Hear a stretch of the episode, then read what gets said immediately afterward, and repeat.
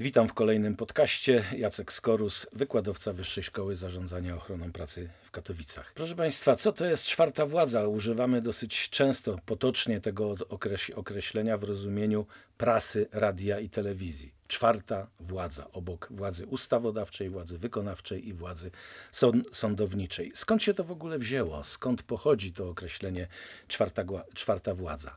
Tak naprawdę nie ma jasności, kto pierwszy użył tego określenia. Badacze zwracają uwagę na dwa momenty w historii. Koniec XVIII wieku, Edmund Burke, słynny angielski filozof, e, przysłuchiwał się e, obradom parlamentu francuskiego w okresie rewolucyjnym, prawda, rewolucji we Francji i w którymś momencie użył, zwracając się, usłyszał takie zdanie, jak jeden z polityków zwrócił się do galerii prasowej, dziennikarzy, którzy wtedy pisali e, e, sprawozdania, prawda, w, w gazetkach, w okolicznościowych takich wydawnictwach. Wy jesteście czwartą władzą w królestwie. Jeszcze wtedy nie obalono króla, było to przed obaleniem króla. I drugie źródła, inne źródła wskazują, że w 1822 roku w parlamencie brytyjskim e, Thomas Macaulay e, zwrócił się jako poseł do parlamentu, do Izby Gmin, zwrócił się w stronę galerii prasowej A Force Estate in the Realm, czyli tłumacząc, to wy jesteście czwartą siłą w królestwie, czwartym stanem właściwie dosłownie. Pierwszy stan to był król, drugi stan Izba Lordów, trzeci stan Izba Gmin. Takie jest e, źródło tego określenia czwarta władza. Potocznie oczywiście e, e, najpierw była to prasa, tylko drukowana, potem radio, telewizja, a obecnie używa się określenia także w stosunku do internetu. Ale czy słusznie? Pytanie jest, czy słusznie? No bo w internecie mamy do czynienia nie tylko z prasą, można powiedzieć, zawodową, nie tylko z zawodowymi dziennikarzami, ale z różnego rodzaju tekstami, które mm, no, nazywane są amatorskimi, y, grazrutowymi, alternatywnymi, różnie to jest określane, e, różnego rodzaju blogami, prawda, różnego rodzaju portalami, które zakłada sobie ktoś, bo lubi pisać to, co mu się wydaje. Czy to jest dziennikarz? Rzecz dyskusyjna. Prawo dosyć precyzyjnie określa, że dziennikarzem jest ten, kto e, pracuje w redakcji, która ma redaktora naczelnego i jest zarejestrowana, ma swój KRS jako e, redakcja. Z tym się wiążą pewne obowiązki, Y, należytej staranności przygotowania, przestrzegania reguł etyki zawodowej, deontologii zawodowej, ale też pewne korzyści. Na przykład dziennikarze nie są zobowiązani ujawniania źródeł swoich informacji, poza bardzo precyzyjnie w kodeksie karnym określonymi przypadkami. Współczesne media bardzo zmieniły funkcjonowanie szeroko rozumianej e, prasy. Timothy Snyder, znakomity, ceniony niezwykle historyk, zajmujący się między innymi historią Polski, zwraca uwagę, że sieć niebywale, czyli internet, sieć niebywale polaryzuje politykę. Jesteśmy w bańkach informacyjnych. Ignorujemy niewygodne fakty, świat stał się bardzo zniewolony przez sieć. Wyraźnie to podkreśla. E, sieć powoduje, że e, ignorujemy to, co nam nie pasuje. Mało tego, te algorytmy, e, o czym za chwilę, jakby ukierunkowują adresowane do nas wiadomości zgodnie z naszymi preferencjami światopoglądowymi, politycznymi często, prawda? Nie wychodzimy poza tą bańkę ta debata polityczna e, stała się debatą mediatyzowaną. Nie odbywa się ona jak kiedyś tak naprawdę w parlamencie, tylko odbywa się za pośrednictwem w tej chwili Twittera, głównie, bo politycy preferują Twittera, Instagrama czy Facebooka i telewizji czy radia, a nie w bezpośrednich debatach.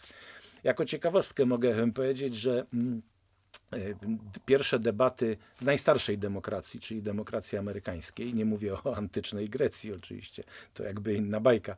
E, pierwsze debaty prezydenckie w, pod koniec XVIII i e, zwłaszcza w XIX wieku odbywały się w ten sposób, że kandydaci na prezydenta spacerowali po ogrodach Waszyngtonu, e, Białego Domu e, i debatowali, a grupa kibiców, można by tak powiedzieć, słuchaczy, spacerowała z nimi. Taka debata trwała 4, 5 godzin i 3 dni.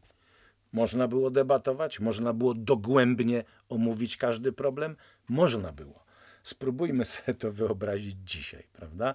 Przeciętny polityk wypowiada się na antenie telewizji, w serwisach informacyjnych 8-12 sekund. Rzadko kiedy dłużej. No jak materiał, który jest relacją prawda, z wydarzenia politycznego, ma 3 minuty i występuje w nim 4-5 polityków, no to po ile oni mogą mówić, prawda?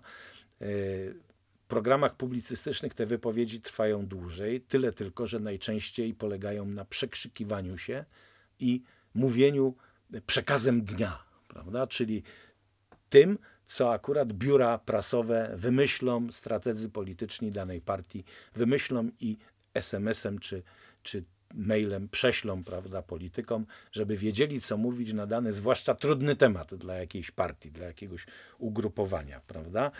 Yy, słynna organizacja badająca wolność yy, polityczną i prasową Freedom House, amerykańska organizacja, yy, twierdzi, że od 2005 roku zwłaszcza obserwuje się spadek poszanowania dla norm demokratycznych i zwrotku autorytaryzmowi w całym świecie, w wielu krajach, prawda? Ten zwrot ku autorytaryzmowi yy, i często jest obwiniany za to yy, właśnie sieć, obwiniana sieć. Internet staje się taką bronią autorytaryzmów w Chinach, w Rosji, prawda, gdzie w Chinach cały system nadzoru za pośrednictwem sieci.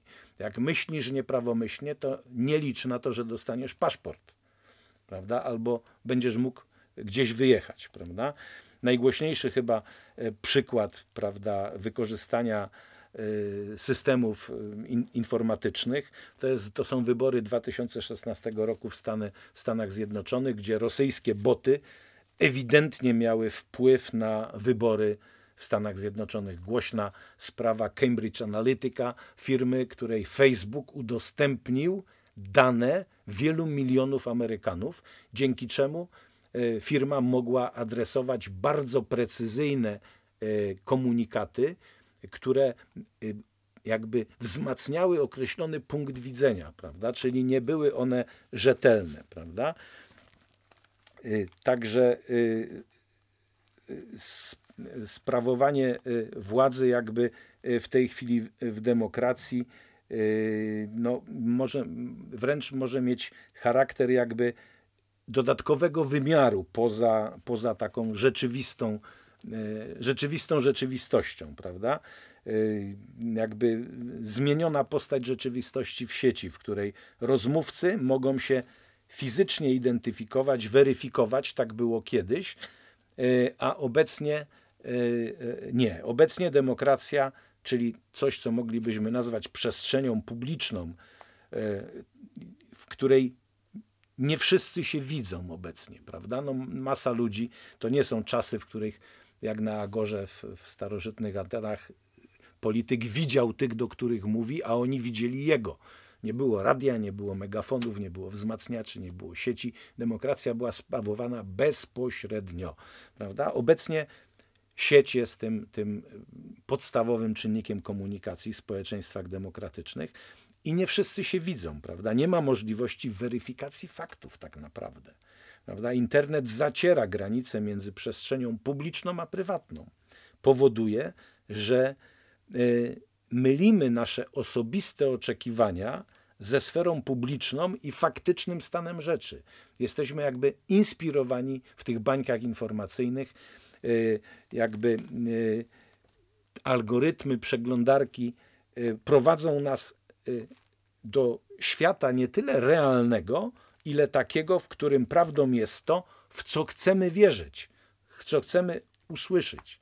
Usłyszeć. Jednym słowem, algorytmy rządzą systemy algorytmiczne w tej chwili umożliwiają niebywale precyzyjne, jak to się nieładnie mówi z angielska w, marketingu i reklamie, targetowanie, prawda? Czyli takie precyzyjne segmentowanie grup y, obywateli, którzy y, dostają takie informacje, jakie lubią, jakie oczekiwują, o- ja- jakich oczekują i tak powstają bańki y, internetowe, prawda? Sprzyja to, zdaniem współczesnych badaczy, wzbudzaniu pragnień, wzmacniania podziałów na my, oni, nasi, ich, nasze, ich, prawda? E, Te media społecznościowe, te specyficzne programy, które tym sterują, e, wykorzystują bardzo e, precyzyjnie specyficzne taktyki psychologiczne, na przykład wzmocnienie sporadyczne. To jest taka taktyka, w której przypomina to działanie agitatora na wiecu, prawda, który krzykiem podnosi temperaturę. Prawda? Jak wiadomo, z, od, od, już od końca XIX wieku, od Gustawa Lebona, wielka grupa ludzi jest głupsza od najgłupszego swojego przedstawiciela. Masa ludzi zachowuje się jak, jak stado baranów, nie, nikogo nie obrażając. Po prostu podąża za tym, kto najgłośniej krzyczy i jest najbardziej zdeterminowany, niekoniecznie najmądrzejszy. Prawda? Tak, trzeba być. Y, wielu ludzi, internet spowodował, że wielu z nas chce zawsze być online, prawda? W związku z czym nie ma czasu na myślenie. Skoro musi być natychmiast odpowiedzieć, natychmiast kliknąć, natychmiast puścić lajka, natychmiast umieścić jakiś, jakiś, y, y, y, jakiś przekaz na, na y, Twitterze, czy na Instagramie, czy na Facebooku, no to on nie ma czasu na myślenie, prawda? Y, Według badań y, szwedzkich, słynny szwedzki psychiatra z największej, największej uni, uniwersyteckiej uczelni, y, Anders Han, Hansen, y, psycho, psycholog kliniczny, przebadał y, trzy lata temu mechanizmy posługiwania się smartfonami. Okazuje się, że przeciętnie młody człowiek dotyka smartfona 2600 razy dziennie. 2600 razy dziennie nie ma cudów. To musi zmienić sposób myślenia. My jesteśmy słabo przygotowani jako ludzie do e, konfrontowania się ze współczesnymi technikami audiowizualnymi, e, technikami informatycznymi. Jako ludzie, no powiedzmy, przyjęliśmy tą postawę Homo sapiens jakieś 250, może 200 tysięcy lat temu i przez parę tysięcy pokoleń Nasza adaptacja do życia w świecie rzeczywistym polegała na tym, żeby uciec przed silniejszym zwierzęciem, zdobyć pożywienie i obronić się. Na szczęście byliśmy wyposażeni w, inteligencję. Czegoś, czego nie mają zwierzęta. Chociaż byliśmy słabsi fizycznie, to jednak byliśmy inteligentniejsi. Potrafiliśmy budować narzędzia. Potrafiliśmy uczyć się, rozwijać, prawda? No i sukcesywnie powstawały język, powstawało państwo, powstawały pisma, prawda? I ten rozwój cywilizacyjny trwał tysiące pokoleń. Środki audiowizualne pojawiły się w połowie XIX wieku. Fotografia, film 1895, telewizja powstała w okresie międzywojennym, radio w latach dwudziestych, a telewizja rozwinęła się po II wojnie światowej i upowszechniła. Czyli to jest to mniej więcej 150-170 lat, prawda? A internet to jest lat tak naprawdę 20. Powszechna dostępność. Kiedy mieliśmy się czas jako ludzie dostosować do, zaadaptować do oddziaływania tych mediów? Nie było czasu. Myśmy się wiele tysięcy pokoleń adaptowali do życia na sawannie, w, bu- w buszu i w dżungli, budując cywilizację, a tutaj zderzyliśmy się z technikami, które są niezwykle skuteczne. Pobudzają wyobraźnię i są nieprawdopodobnie emocjonalne, budzą emocje. Obrazy są nieprawdopodobnie emocjonalne. Wcześniej wiele pokoleń przekaz był ustny, prawda? za pomocą pieśni, potem tekstu pisanego, druku, filmu, a tu nagle pojawia się przekaz, którego, na który reagujemy w czasie rzeczywistym. Feedback jest natychmiastowy. Memy pojawiają się w ciągu kilkunastu minut po jakimś wydarzeniu, prawda? Gdzie tu jest czas na refleksję i na przemyślenie, prawda? Timothy Snyder stawia tezę, to jest faszyzm 2.0. Y, Pojawia się postprawda. Istotą jest polaryzacja i łatwość wzbudzania wrogości. Dziękuję za spotkanie i zapraszam za tydzień do wysłuchania kolejnego podcastu.